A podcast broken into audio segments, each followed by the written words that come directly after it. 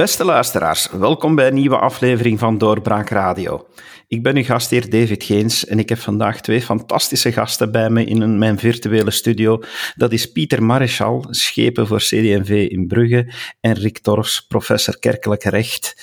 Uh, zij hebben van, samen een boek geschreven over morgen, een boek dat uh, een reflectie biedt over de toekomst. En ik ga vandaag met hen over dat boek uiteraard praten.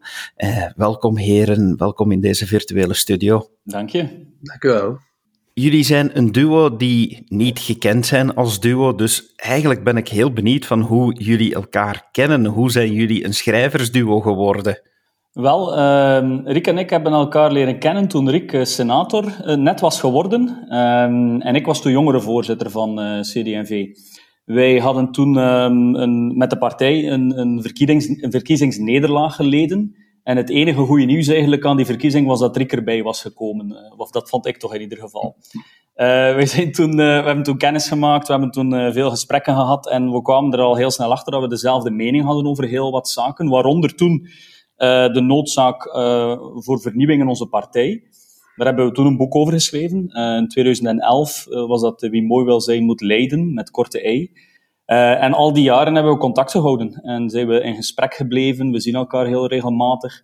En op bepaald moment hadden we het idee, laat ons terug uh, de ideeën die we hebben, de, de gesprekken die we gevoerd hebben, laat ons dat terug eh, in een boekvorm naar buiten brengen. Dat was het eigenlijk, Erik.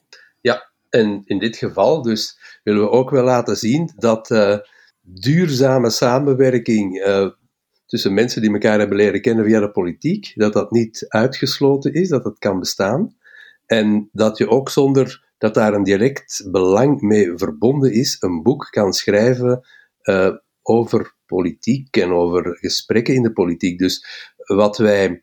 Uh, wij hebben geen concrete ambities hiermee. Wij willen niet de macht veroveren in Vlaanderen of in de CD&V. Er zijn ook geen verkiezingen. Dus in die zin uh, kunnen we hier echt vanuit ons persoonlijk engagement spreken. En dat vind ik ook heel belangrijk. Dat dat blijft bestaan, ook uh, een decennium later. En hoe zijn jullie dan te werk gegaan? Zijn er stukken die jullie ieder apart hebben geschreven en dan hebben samengevoegd? Of hoe hebben jullie het werk verdeeld? Wel, het, het werk is eigenlijk, uh, het grootste deel van het werk uh, heeft, heeft een hele lange voorbereiding gekend. Want het zijn inderdaad uh, gesprekken die wij gevoerd hebben bij Rick tijdens wandelingen, op, op andere locaties, over een periode van tien jaar. En, uh, en, en geleidelijk aan zijn we ook wat, uh, wat notitietjes beginnen nemen. Eerst op bierkaartjes als we op café zaten, dan uh, op, op, op, op notitieblokjes. Um, dat is het voorbereidende werk. En geleidelijk aan zijn we dat in teksten beginnen gieten, waarbij we eigenlijk een, een manier van werken hebben dat we een, een, soort van verslaggeving maken van, van onze gesprekken, dat dan in een, in een eerste tekstvorm gaan uitgieten. En dan is dat heel veel heen en weer sturen van die teksten. Zo hebben we toch het vaakste ja. werk, Erik. Zo is het. Ja. Wat is jullie doel eigenlijk met dat boek? Want ja, professor, u zegt van we, we, we gaan niet de macht grijpen hiermee, maar het is toch wel heel duidelijk een manifest. Uh, het, het, leest echt wel als een manifest voor, voor een centrumpartij. Je zou zeggen, le nouveau CVP est arrivé. Uh, maar wat, wat is jullie bedoeling geweest? Wel, ik denk dat wij vooral er willen voor, proberen, voor pleiten ook, om ja, eigenlijk een heel breed debat om, te beginnen terug uh, los te weken. Dus we vinden dat uh, heel vaak mensen elkaar uitsluiten, uh, soms op een subtiele manier. Dan wordt er gezegd, ja, u hebt uzelf uitgesloten en zo verder. Ja, dat zijn de dingen die nergens toe leiden. Dus we zijn vooral voorstander van een goed en open gesprek met zoveel mogelijk mensen. Um, en dat gaan we ook in de praktijk doen. Er komen een aantal podcasts met uh, mensen die het boek uh, lezen of zullen gelezen hebben, zoals uh, Ginny Beels, Geert Noels, Theo Franke, die drie staan al geprogrammeerd. Dus dat gesprek willen we voeren. En dan willen we natuurlijk ook wel inhoudelijk um, toch proberen ja, duidelijk te maken dat het aloude Rijnland-model, dat op dit moment toch een beetje ja, versleten is en barsten vertoont, dat dat best uh, terug opnieuw gestalte kan krijgen uh, via het goede gesprek en zonder een aantal uh, nadelen die we dus willen vermijden, zoals bijvoorbeeld declinisme, somberheid, populisme en zo verder. En we willen dus eigenlijk vooral een, een echt diep debat over mhm. partijgrenzen heen. Dat is eigenlijk de bedoeling. Dus met mensen van goede wil. En er zijn er misschien meer dan we um, zouden denken. Sommige mensen zien eruit alsof ze niet veel goede wil vertonen, maar als je ze beter leert kennen of er een gesprek mee voert, lukt dat vaak beter. Mhm. En wat, wat, wij ook hebben gemerkt de, de laatste jaren, en, en, en waarschijnlijk al veel langer, is dat uh, het is zo ongelooflijk uh, gepolariseerd, het debat. Mm en, en als iemand zich in het debat wil mengen, en, en dat gaat niet alleen over politici, maar ook de gewone burger, die, die zegt ik wil mij op social media in een debat mengen, dan word je al verplicht om een heel extreme mening te gaan innemen om daar gehoord te worden, of om daar op te vallen. En een genuanceerde mening uh, is, is veel minder aantrekkelijk. Wij willen een manier zoeken, en dat doen we ook in het boek door een aantal zaken aan te reiken, wij, wij willen een manier zoeken om die, die methode om, om tot een echt gesprek te komen, zonder dat je in eerste instantie al moet beginnen roepen om aandacht daarvoor te krijgen, om dat terug uh, op de voorgrond te brengen. En, en, we willen dat heel concreet doen door zelf die, die, die gesprekken te gaan voeren met mensen. Uh, Rick verwijst naar de podcast uh, die, we, die we willen opzetten en die er ook komt. Maar maar wat, wat we ook al merken nu is, is veel mensen die het boek, sommigen hebben het al online te pakken gekregen en, en hebben het al. Het ligt ook in de boekhandel. Dus de eerste mensen die het al aan het lezen zijn, nemen al spontaan contact op met ons. En dat vind ik zo leuk. Mhm. het, het, is echt onze intentie om te horen wat vinden jullie van die ideeën in het boek en daar een, een ruim gesprek over aan te kunnen gaan. Dus we hopen dat dat, dat, dat zal, zal slagen, die opzet. In die zin merk ik inderdaad dat jullie eh, heel genuanceerd ook te werk gaan. Eh, in, in het boek merk je heel duidelijk dat, jullie zelfs het populisme niet zonder meer veroordelen. Eh, dat jullie dat heel goed weten te duiden, daar duidelijke definities van geven, ook op het gevaar ervan wijzen. Is het logisch gevolg daarvan dat je dan een heel boek nodig hebt om wel een genuanceerd antwoord te kunnen geven op, op heel wat van de vragen? Ja, ik denk het wel voor een stuk. Hè. Dus uh, dat is ook iets wat wij zeggen. Um, er zijn heel wat vragen die uiteraard moeten behandeld worden. Uh, de grote problemen van deze tijd, uh, zoals bijvoorbeeld de klimaat, klimaatproblematiek, zoals migratie en zo verder. Maar we zeggen tegelijk ook, daar zijn geen pasklare antwoorden voor te vinden die meteen ervoor zorgen dat het probleem verdwijnt.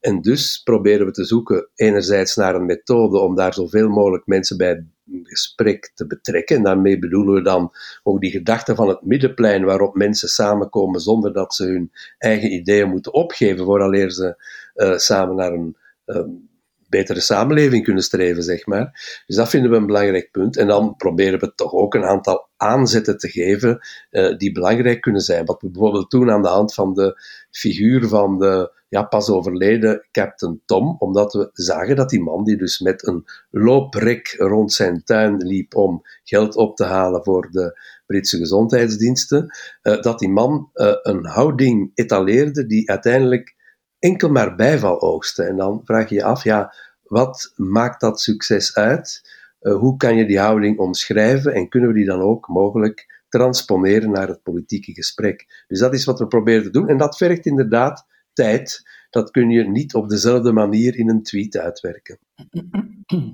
Nee. En, en, inderdaad, je verwijst naar uh, de manier waarop we uh, populisme ook proberen te duiden.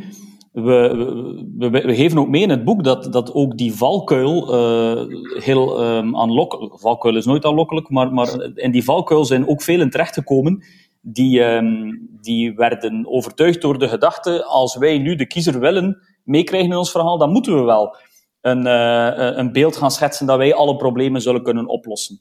Uh, ook al weten velen dat dat niet het geval kan zijn. Wel, wij willen heel duidelijk bepleiten dat een, een, een, nieuwe generatie politici, die hoeven zich niet te schamen voor de uitspraak, we kunnen dit niet in 1, 2, 3 oplossen. We zullen dit niet in 1, 2, 3 kunnen oplossen. We moeten terug duidelijk maken aan de mensen ook, dat uh, zij die proberen ons te overtuigen dat het allemaal heel simpel op te lossen valt. Alle problemen waarvoor voor staan, dat zij slechte bedoelingen hebben, slechte intenties. Zij proberen ons mee te lokken in een verhaal waar wij uh, uiteindelijk niet beter van zullen worden. En net zij die eerlijk zijn met ons en zeggen, kijk, deze uitdagingen, dat zal niet van vandaag op morgen aangepakt worden. Net, net zij hebben het goede voor met de bevolking. En soms komt dat niet zo over bij veel mensen, omdat ze het gevoel hebben, ah, zij willen het probleem blijkbaar niet oplossen. Een van mijn favoriete zinnen, uh, als ik die mag citeren uit het boek, is, is het volgende, en ik citeer. De vraag is niet hoe wij een volmaakte wereld kunnen bereiken, maar hoe we in een onvolmaakte wereld een aangenaam en misschien nog meer een zinvol leven kunnen leiden. Einde citaat. Heb ik dan een goede zin gekozen om eigenlijk de toon van het boek uh, te typeren? Ik denk voor een stuk wel. Um, er zijn zeker slechtere zinnen in het boek te vinden. Uh, maar misschien ook beter, dat weet ik niet meteen. Uh, maar het is inderdaad wel waar. Hè? Dus die perfecte wereld bestaat niet. En dat is uh, vandaag een heel groot discussiepunt. Ik had gisteren een informeel gesprek met een aantal bekwame journalisten. ik voeg het woord bekwamer maar bij, omdat het geen automatisme is.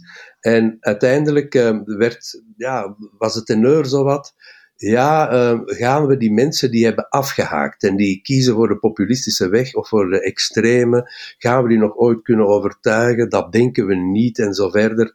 Wel, volgens mij kunnen die wel overtuigen. Wanneer blijkt in discussies dat er misschien beter te leven valt in een onvolmaakte wereld dan dat je streeft naar een volmaakte waarbij je enkel brokken maakt en winnaars en verliezers hebt en met veel mensen niet wil praten. Ik denk dus wel degelijk, wij denken dat dat wel degelijk wel kan. Dus, uh, en dat natuurlijk, wat daarbij helpt, een zinvol leven is ook een facet van het boek. We gaan ervan uit dat wanneer je een bedding hebt waarin je leven vloeit, wanneer je bijvoorbeeld um, ja, uh, als vrijzinnige diep nadenkt over de zin van het leven, of als je religieus bent, van welke denominatie dan ook, dat dat helpt om een kader te geven uh, dat uh, ja, de dingen um, in perspectief zet, relatiever maakt, en waardoor je ook niet onmiddellijke volmaaktheid op alle punten wil. Dus ik denk dat dat wel degelijk kan helpen om een beter gesprek te voeren. -hmm. En we hebben ook een hoofdstuk waar we heel duidelijk uh, willen verwijzen naar, naar waar wij sterk in geloven, niet alle verwachtingen hoef je in te lossen. Je hebt enerzijds een, een, een, een groep binnen het politieke veld die wil laten uitschijnen dat een ideale wereld mogelijk is. En anderzijds heb je een druk die bij veel mensen ligt, waarbij ze denken dat er een verwachting is dat zij een ideaal leven leiden. En, en dat is een enorme druk die op mensen hun schouders komt te liggen. We verwijzen ook in het boek naar de manier waarop je bij de oude Grieken het noodlot als, als, uh, als speler had in, veel verhalen. Wel, ook vandaag moeten we durven aanvaarden dat er een noodlot is die het voor sommigen niet mogelijk maakt om dat ideale leven na te, na te streven. Of die ook uh, minder leuke momenten in het leven zal aanbrengen. Maak dat ook bespreekbaar. Schuif dat niet weg. La, laat het niet zo zijn dat we, dat we moeten al die zaken die, die het wat moeilijker maken, maar waar net heel veel waarde in kan gevonden worden, dat we dat aan de kant schuiven. Dat is ook iets waar we eigenlijk in het, eh, voor we het, eh, het eindmanifest als laatste hoofdstuk hadden we dat als voorlaatste hoofdstuk, omdat dat ook een boodschap was waar we toch veel belang aan hechten. Ja, jullie houden ook heel duidelijk een, een humanistisch toekomstbeeld aan in, in dit boek, uh, vind ik. Ja. ja. Ja, het is zeker zo dat wij bijvoorbeeld niet uh, voor een soort uh, pseudo-wetenschappelijk reductionisme pleiten, waarbij je um, ja, de mens in zijn eigenaardigheid bijna wiskundig buiten beeld probeert te brengen. Dus we gaan ervan uit dat je problemen ook niet kan oplossen uh, door ja, via allerlei redeneringen en plannen uh, en cijfers alleen ergens uit te komen, uh, terwijl je misschien tegelijkertijd heel vervreemdend over de mens praat. Een voorbeeld daarvan kan bijvoorbeeld klimaatproblematiek zijn. Het is duidelijk dat er minder CO2-uitstoot moet zijn. Maar dat mag niet leiden tot het opleggen van een levenswijze waarin mensen zich niet meer herkennen. Uh, waarbij ze allemaal ofwel in de stad zouden moeten wonen, ofwel in dorpscentra en minstens in rijwoningen en zo verder. Er zijn misschien andere methoden om minder CO2 te verbruiken, bijvoorbeeld uh, minder zinloze verplaatsingen. Um, ja, minder energie steken in overbodige dingen en zo verder. En dat moet iedereen ergens voor zichzelf, denk ik, uh, proberen uit te maken. Uh, dus het moet mogelijk zijn om aan de ene kant verantwoord te leven voor een samenleving in haar geheel, en aan de andere kant toch ook je eigen accenten te leggen en je niet vervreemd te voelen. En daar zit de humanistische inslag zeker ook bij. Mm. Ja, en, en het zit ook in andere elementen. Hè. We hebben ook, uh, en, en, en dan, dan kan je terug verwijzen naar, naar filosofen zoals Levinas, die zegt, we moeten mens worden in het gelaat van de ander. Um, wij, wij denken dat daar ook een basis kan gevonden worden om ook op een positieve manier in het leven te staan. En het, het, het, het, uh, het positieve verhaal van laat ons allemaal elke ochtend positief uh, opstaan en, en geloven in een, in een optimisme, uh, omdat dat nu eenmaal in ons voordeel zou zijn, daar keren wij ons van af. Ja. Dat wil niet zeggen dat we ons van het optimisme en positivisme afkeren, maar we willen een andere basis daarvoor vinden. En wij vinden dat uh, de utilitaristische invalshoek, die vanuit ja, sommige filosofen, zoals Popper komt ook, dat die eigenlijk uh, te beperkend is en te simplistisch. En als je dan gaat kijken naar, uh, naar mensen zoals Levinas, die zeggen, kijk, eh, door in contact te komen met die andere mens, hè, daarin ontstaat een, een appel ook ten opzichte van de ander. Daar kan je heel veel uh, uit putten, vinden wij. En dat proberen we in het boek ook uit te werken. Ja, bijvoorbeeld, je zou kunnen zeggen, waarom geloven mensen dat de aarde vlak is? Ja, misschien geloven ze dat niet echt, maar zijn ze eerder van mening dat de mensen die de aarde bevolken, hen niet ernstig nemen en daarom komen ze soms tot hele rare ideeën. En dat zijn dingen die we ook moeten bekijken. Wij, wij, pleiten bijvoorbeeld ook ervoor om met dat soort mensen in gesprek te gaan. Dat gaat misschien niet altijd lukken, maar vaker dan bedenken wel. Uh, terwijl ik merk heel veel ook in intellectuele kringen waar ik af en toe in vertoef en toegelaten word, dat dan wordt gezegd, ja, maar met die mensen kan je toch niet praten. Uh, dat gaat niet. Maar als je zo begint te denken, uh, blijft er op de duur maar heel een heel beperkt aantal mensen over waarmee je nog echt een zinvol gesprek kan voeren. Dan wordt het bijna, het gesprek wordt bijna een beloning voor intelligente mensen. Terwijl het gesprek gewoon er zou moeten zijn omdat mensen mensen zijn en er altijd wel kan gepoogd worden om een conversatie aan te gaan. En we kunnen er zelf ook van leren. Wij gaan waarschijnlijk zelf niet tot de conclusie komen dat de aarde vlak is, maar wie weet is er hier of daar, dat zeggen we ook in het boek, wel een absurd lijkend idee waar toch een kern van waarheid in zit who knows? Ja. En we mogen die mensen ook niet, niet terugbrengen tot enkel dat idee. Want, want het is niet omdat iemand uh, inderdaad, om welke reden dan ook, wil bepleiten in het openbaar dat de aarde wel eens uh, niet rond zou kunnen zijn, uh, dat dat het enige is waar we die mensen toe moeten terugbrengen. Er zijn ook nog andere aspecten aan, aan, aan de denkwijze van die mensen. En misschien zijn daar zaken waar we wel overeenstemmingen kunnen vinden. En net die basis terug gaan vinden, net, net, net terug die persoon gaan zien, zoals, zoals ze is in, in, in meerdere aspecten. Um, net daar kan die, um, ja, kan die bevolking van het middenplein ervoor zorgen dat we meer op dat middenplein komen en dat we terug een, een ruimer debat kunnen aanvoeren en dat we terug tot oplossingen kunnen komen, ook waar we samen wel uit kunnen komen.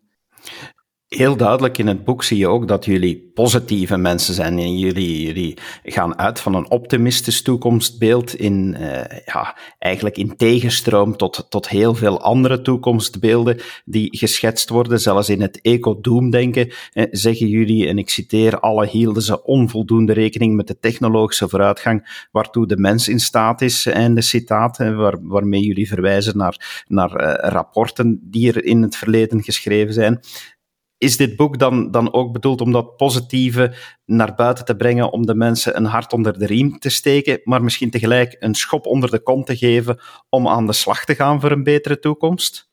Soms denk ik dat mensen... Uh, ja, ga maar, zeg maar, Pieter. Nee, nee, nee, doe maar, ik. Aan jou de eer. Nee, heel kort gezegd, soms denk ik dat mensen meer gestimuleerd worden door een hart onder de riem dan door een schop onder de kont. Mm -hmm. Dus in die zin... Uh, denk ik dat die positieve insteek uh, meer gaat helpen. Maar ik uh, geef graag het woord aan Pieter. Wel, ik, ik, ik geloof ook niet zozeer in, in die schop onder de kont, zonder dat daar eerst een... Uh, want van waar komt die schop dan? Wie, wie, is die persoon die die schop komt geven? Vaak is dat, gebeurt dat vanuit een overheid of vanuit, vanuit iemand waar je geen contact mee hebt gehad. Wij, pleiten er net voor, hè, ga het gesprek aan met elkaar en probeer elkaar te overtuigen, elkaar te vinden. En van daaruit kan actie ontstaan.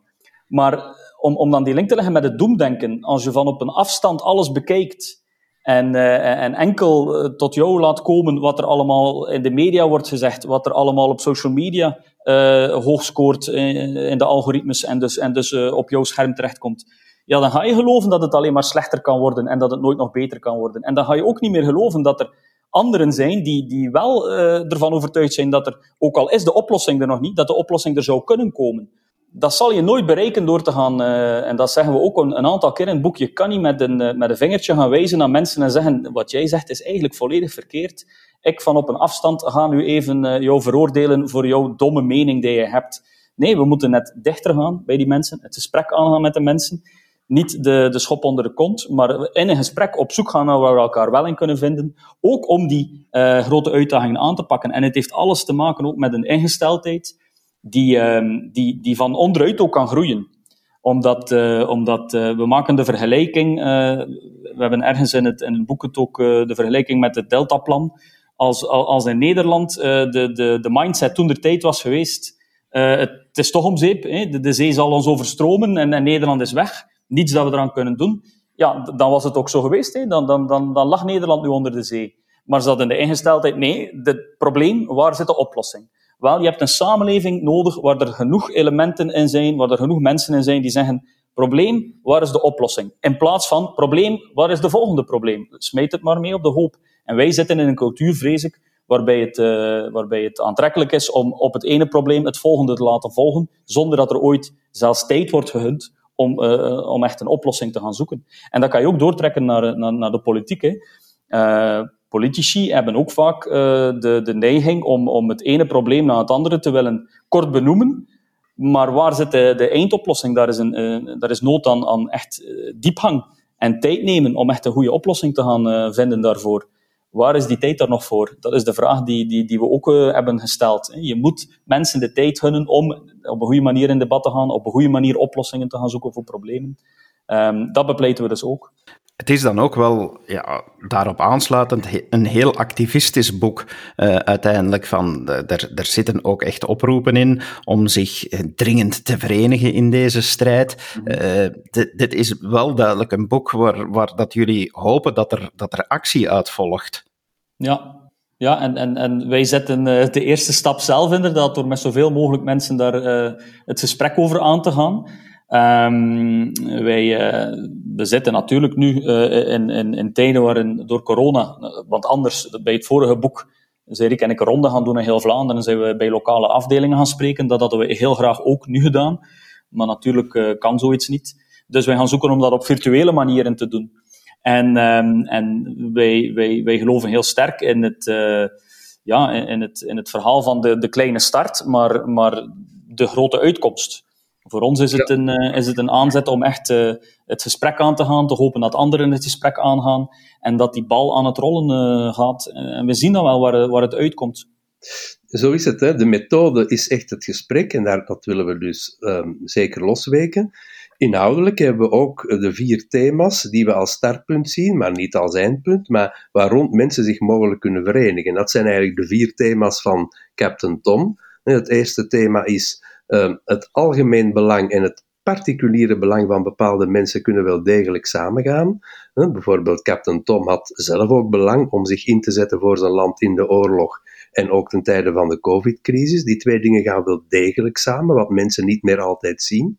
Een tweede punt is dat een soort consistentie in gedrag geen conservatisme of krampachtigheid moet zijn, maar dat je dus in elke tijd uh, probeert het juiste te doen om de aarde en de traditie te beschermen, maar toch voldoende vernieuwing te zoeken. Een, een, simpel voorbeeld kan zijn dat je, wanneer bijvoorbeeld het klimaat verandert, bomen blijft planten, maar misschien andere.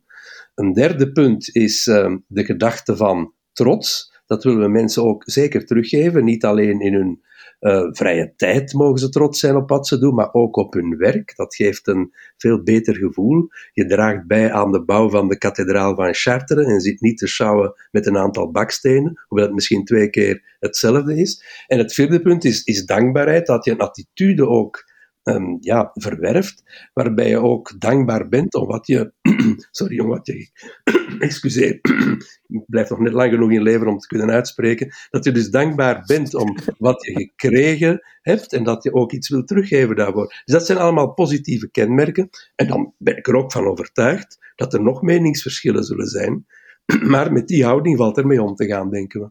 -hmm. en, en daar zien we de basis ook echt om dat gesprek ook aan te gaan, inderdaad, zoals Darik het zegt. Hè. Eh, wij, wij, wij zijn ervan overtuigd dat Captain Tom uh, die, die inspiratie leverde uh, op een manier waardoor iedereen zich daarin kon vinden. Niemand was tegen wat Captain Tom deed. Wel, dat komt door die elementen die in zijn verhaal terug te vinden zijn.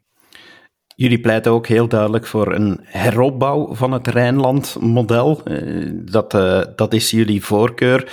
Maar jullie zeggen ook heel duidelijk, ja, dit, dit moet wel eens terug bij de tijd gebracht worden en er kunnen verbeteringen aangebracht worden. Is, kan, kan iets nog meer christendemocratisch lijken eigenlijk dan dat pleidooi? Nu, als wij christendemocratisch zouden lijken, dat is niet het allerergste wat een mens kan overkomen. Zeker Pieter niet als CD&V-schepen van Brugge. Uh, maar ik denk dat uh, we moeten het, uh, het Rijnland-model ook in zijn veel bredere context zien. Het is nu eenmaal het model dat aan onze manier van samenleven ten grondslag ligt. Het werd opgebouwd na de Tweede Wereldoorlog. Als we kijken naar de zes landen van de toenmalige EEG, eerst EGKS, dan EEG, ja, vijf van de zes landen waren landen waar de Christen-Democraten doorgaans de premier leverden. Nederland, Luxemburg, uh, België, Italië en Duitsland. Frankrijk had dan het specifieke gaullisme. Natuurlijk hebben naast de Christen-Democraten ook Sociaaldemocraten en Liberalen aan dat model meegewerkt, zeer zeker. Maar het Rijnland-model is in feite nog altijd ons model, al weten we dat niet meer altijd. Ondertussen zijn er barsten ingekomen, is het anoniemer geworden, is het ook institutioneler geworden, verdedigt men daar formele aspecten van, structuren, eh, bijvoorbeeld ja, standenmaatschappijen, vakbonden, ik heb er allemaal niks op tegen, maar um, ook, bijvoorbeeld uh, ja, de sociale zekerheid, dat een systeem op zich wordt. En daar denk ik moeten we terug tot een levendiger gevoel komen, dat het uh, een model is waarbij mensen toch solidair zijn, absoluut, uh, bijdragen, ook winst kunnen boeken als ze hard werken, maar tegelijk wordt niemand in de steek gelaten die het nodig heeft. Aan de andere kant is het niet zo fijn als je altijd iets nodig hebt. Dus mensen zetten zich ook graag in in zo'n Rijnland-model. En uh, voilà, dat proberen we ergens weer tot leven te wekken. Ja. En dat wat, wat Rick zegt is inderdaad de essentie. Mensen moeten zich terug uh, betrokken voelen, waardoor ze zich willen inzetten en het gevoel hebben dat dat eh, individuele belang dat ze hebben samenvalt met een algemeen belang dat vormgegeven wordt door zo'n Rijnlandmodel. Waarbij je, waarbij je kan zeggen, kijk, ik span mij in voor iets, ik zal daar zelf uh, baat bij hebben, maar ik weet dat ook anderen daar baat bij zullen hebben. En dat gevoel is weggevallen vandaag de dag. Veel mensen beseffen niet meer dat dat eigenlijk de essentiële insteek was toen dat Rijnland-model werd ontwikkeld. En denken dat het een, een saai systeem is waar, waar er veel misbruik is en, en waar, zij, uh, zij moeten, uh, waar ze te veel aan moeten bijdragen en te weinig terugkrijgen. En dat zijn dan zaken die moeten gefine-tuned worden om dat model levendig te kunnen houden en het terug de basis te maken. Omdat de alternatieven volgens ons geen, geen optie mogen zijn. Ik moet iets bekennen. Ik heb uh, gewoonte een boek heel actief te lezen. Uh, ik ga daar dan ook dingen in aanduiden, zeker krachtige zinnen die ik, waarvan ik denk van, oh, die moet ik bijhouden. en ik heb in de afgelopen jaren nog nooit zoveel zinnen in één boek aangeduid. bijvoorbeeld, als ik, als ik één pareltje mag citeren, eh, is het volgende. Dankbaarheid als motor van het handelen zonder iets concreet terug te verwachten is een erg krachtig concept dat ondersteunend kan zijn voor onze omgang met wie zich in onze nabijheid bevindt. Einde citaat. Is dat vintage Torfs, zo'n uitspraak? Nee, ik denk dat we daar uh, wel allebei achter staan, maar ik laat Pieter daar commentaar op geven. Ja, wel, uh, dit, dit, dit uh, dit is eigenlijk iets, iets wat, je, wat je kan terugbrengen naar uh, de gedachte. Kijk, uh, het, klassieke voorbeeld van, van de buurt. Hè. Je, je, woont in een buurt, je kent je buren en, uh, en, en je weet dat je kan aanbellen bij je buren om een, om een extra ei of een wat suiker, weet ik veel wat je nodig hebt. er is geen winkel in de buurt. Hè. het klassieke jaren 50, 60, 70 idee van toen kon dat allemaal nog. Maar die gedachte die erachter zit is, ik kan positief handelen ten opzichte van een ander zonder dat ik daarbij verwacht dat dat iets zal opbrengen, maar dat kan ook altijd iets terug gaan opbrengen. De kracht is dat de samenleving die daar eigenlijk uh, gevoed wordt, door positieve insteken, op termijn altijd ook voor jou in het voordeel is. Net zoals het uh, ook voor, um, voor uh, om het dan op een, meer macroniveau te gaan bekijken, het is altijd in je voordeel, ook al heb je zelf geen kinderen, dat mensen die wel kinderen hebben over goede kinderopvang kunnen, kunnen beschikken. En dat er, een, uh, dat er een, een, systeem is die ervoor zorgt dat er kinderopvang is voor die mensen. Waarom? Omdat die mensen daardoor meer zullen kunnen, uh, een, een, goede balans hebben in werk-leven uiteraard, waardoor ze ook meer kunnen, kunnen ervoor zorgen dat ze bijdragen. Dat is altijd een win-win voor iedereen. En die ingesteldheid, vertrekt ook vanuit de gedachte, we moeten niet alles gaan afmeten en we moeten niet in alles gaan kijken, wat heb ik gegeven, wat zal ik terugkrijgen. Als je durft gewoon zelf de eerste stap zeggen en zeggen, kijk, ik sta in het leven vanuit de gedachte, ik wil uh, geven zonder dat ik direct iets terug zal krijgen, dan zal dat uiteindelijk ook voor een, een, sterker, een sterker weefsel zorgen en zal dat ook in je voordeel zijn. Dat is heel juist. Hè. Um, dus je kunt natuurlijk zeggen, onze, onze samenleving is heel erg uh, contractueel. Hè. Do, mm. des, voor wat hoort wat. En voor een stuk is dat natuurlijk ook uh, belangrijk dat dat uh, ook correct verloopt. Maar je kan daar nog altijd een surplus aangeven. In plaats van voor wat uh, hoort wat, kan je daar nog boven zetten. Wie goed doet, goed ontvangt. Dat is een oud Vlaams spreekwoord. En dat vind ik ook uh, het surplus. Hè? Dus dat gratuite komt erbij en pakt dan misschien nog uit als iets wat rijker is. Zoals Pieter ook zei, dat is een neveneffect. Dat misschien nog rijker is dan het puur contractuele. En dat zeker ook gelukkiger maakt, omdat het niet moet. Hè? Dus je zit daar in, in de sfeer van wat kan, maar niet moet. Een contract moet je helemaal vervullen. Dus in feite heb je daar misschien iets minder vreugde van dan van het surplus dat je geeft. Dat denken we wel. De vraag die ik, die ik moet stellen, want anders heb ik ze niet gesteld, terwijl alle andere journalisten ze wel gaat stellen, gaan stellen, is: uh, ja, denken jullie niet dat, dat heel veel mensen dit boek als een blauwdruk gaan beschouwen voor, voor misschien een nieuwe centrumpartij? Uh, moet, uh, moet meneer Joachim Koens nerveus beginnen te worden voor een nieuw duo dat, dat een gooi gaat doen naar, naar het voorzitterschap? Of verwachten jullie langs de andere kant een megabestelling uh, geplaatst door een zekere Joachim om aan al zijn kaderleden dit boekje te, te bezorgen? Dat is een wel, vraag. Uh, ja, wel, wel uh, Joachim, uh, er zijn, om te beginnen zijn er geen voorzittersverkiezingen in het vooruitzicht en, en, en is het absoluut niet onze intentie om, om, om dit te gebruiken als een, als een soort van middel om, om macht te gaan vergaren. Integendeel, het, het, is een, het, is een, het is een boodschap ook die in, in, in dit boek staat, die net aantoont op welke manier wij net machtsstructuren loslaten en, en, en we terugbrengen naar wat voor ons de essentie is, gewoon het gesprek en het gesprek waar iets uit voort kan komen. Dit is een blauwdruk voor een, voor een methode en, en een blauwdruk voor, een, voor een manier waarop je kan mensen samenbrengen en dan zien wat daaruit voortkomt. Dit is niet een, een blauwdruk voor een, eh, voor een partijlijn of, voor een, eh, of, of, of, een, of een partijprogramma, dat, dat is het niet.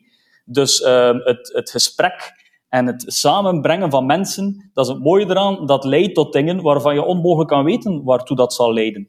En het is niet onze intentie om, um, om CD&V te kapen. Het is niet onze intentie om een nieuwe partij te stichten. Het is onze intentie om mensen samen te brengen die, die, uh, die misschien op een heel verrassende manier dan uh, daar allemaal zaken mee zouden kunnen doen.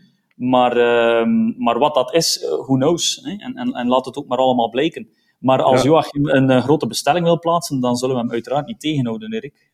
Ja, ook voor een grote bestelling zou misschien ook kunnen betekenen, ook voor niet-leden van CD&V, want zo zijn er wat. En misschien kan Joachim hen ook een cadeau geven, dat is altijd mogelijk. Want ja. ik zie ook een, een potentieel van bijvoorbeeld mensen die eerder groen denken of eerder bij NVA horen en zo. Dat zijn toch mensen die uh, heel vaak, niet allemaal, ook daar zijn misschien wel op een gegeven moment grenzen te trekken, maar dat er heel veel toch openstaan voor een, voor een echt gesprek en een positieve houding. Uh, ongeveer in de zin van ons boek, met ook een aantal verschilpunten, want uh, uh, wij gaan geen dogmatisch manifest afleveren. Maar ik denk dat dus, uh, in feite zoeken we toch een ruimer publiek, dat, ik denk dat dat wel duidelijk is, dan enkel een publiek dat nu zich tot mm -hmm. één partij bekent. Dat zou jammer zijn dat we dit als een binnen christendemocratische operatie zouden moeten gaan bekijken. Verwachten jullie dan dat dit boek potten gaat breken, misschien zelfs politieke potten gaat breken? Ja, potten breken. Uh, ik, er zijn ik, altijd potten gebroken. Ja, ik, ja dus, hoe, hoe, hoeveel potten in de wedstrijd zijn er nog die, die niet kapot zijn? Uh, laat, ja. ons, laat ons hopen dat dit boek een, een, een, uh, dat we ergens een plantje in een pot kunnen steken die kan groeien. maar het is niet onze intentie om is, ik, ik, denk dat je aan alles, als je, als je het boek leest, dat je merkt, het is geen boek die, die, die de straffe uitspraken heeft gezocht om op te vallen. Dit is geen boek waarbij we, waarbij we kunnen zeggen, kijk, dit zijn nu de twee one-liners, waardoor we weten dat er wekenlang zal daarover gedebatteerd worden. Uh, in, in, in de praatprogramma's waar andere roepers uh, aan bod komen. Nee, dit is een, dit is een boek van een, met, een, met een boodschap die, die op een rustige manier kan, uh, kan be bekeken worden door mensen, waar ze op een rustige manier een gesprek over kunnen hebben. En dat is niet altijd even aantrekkelijk in de huidige mediacultuur, dat weten we. Dus, dus zal dit potten breken als het al, een, als het al barsjes maakt, dan, ja, dan, dan zal het eerder op lange termijn zijn. En we hopen dat dit een verhaal is die net die niets hoeft te breken, maar net iets kan opbouwen. Ja, we willen eerder opvallen door een vrij zeldzame onopvallendheid. Hè? Omdat we mhm. eigenlijk juist niet naar die extreme zoeken, geen polemiek zoeken, wat al bijna verdacht is. Ik kreeg gisteren de vraag, ah, wil je terug in de politiek gaan?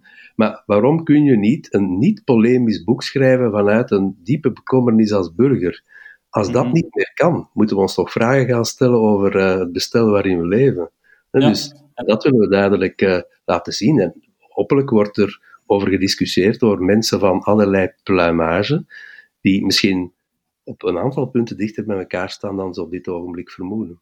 Mm Want dat is inderdaad de, de, klassieke vraag die je dan krijgt. Wat wil je hiermee bereiken? En sommigen hebben het heel moeilijk om, uh, om ondanks dat, dat ik niet weet aan welke verkiezing ik zou moeten meedoen, of jij uh, zou moeten meedoen, Rick, om hier nu iets... Miss België is misschien de enige waar we kunnen een gooi voor doen, maar uh, voor de rest is er, geen, is er nergens een verkiezing on site. Dus, dus bon. Um, die... Ik ga, ik ga zelf afsluiten, uh, niet met een vraag, maar met uh, nogmaals een citaat waarmee ik uh, de luisteraars wil aanzetten tot het kopen en het lezen van, van dit boek, want ik vind wel dat jullie dit verdiend hebben en dat is het volgende. Het nieuwe midden hoeft dan ook geen middenweg te zijn waarvan we anderen proberen te overtuigen hem mee te bewandelen. Het nieuwe midden is een plein waar mensen die voor uiteenlopende wegen kiezen elkaar treffen. Het waarachtig gesprek kan leiden tot inzicht in wat ons samenbrengt. Ik denk dat dit echt wel goesting moet geven om dat woord te gebruiken om dit boek te lezen. Meneer Torfs, meneer Maréchal, dank je wel dat jullie tijd hebben vrijgemaakt om uh, jullie boek toe te lichten in deze podcast. Heel graag gedaan. Het was een heel aangenaam gesprek, dank je. U bent bedankt. En u, beste luisteraar, u hebt het gehoord.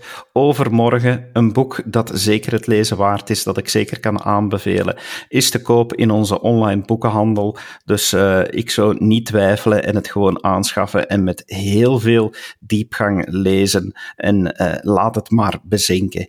Dankjewel dat jullie geluisterd hebben en graag tot de volgende keer. Dag. Dit was een episode van Doorbraak Radio de podcast van doorbraak.be. Volg onze podcast op doorbraak.be/slash radio of via Apple Podcasts, Overcast of Spotify. Bezoek ook onze website op doorbraak.be en steun ons door een vriend te worden van Doorbraak.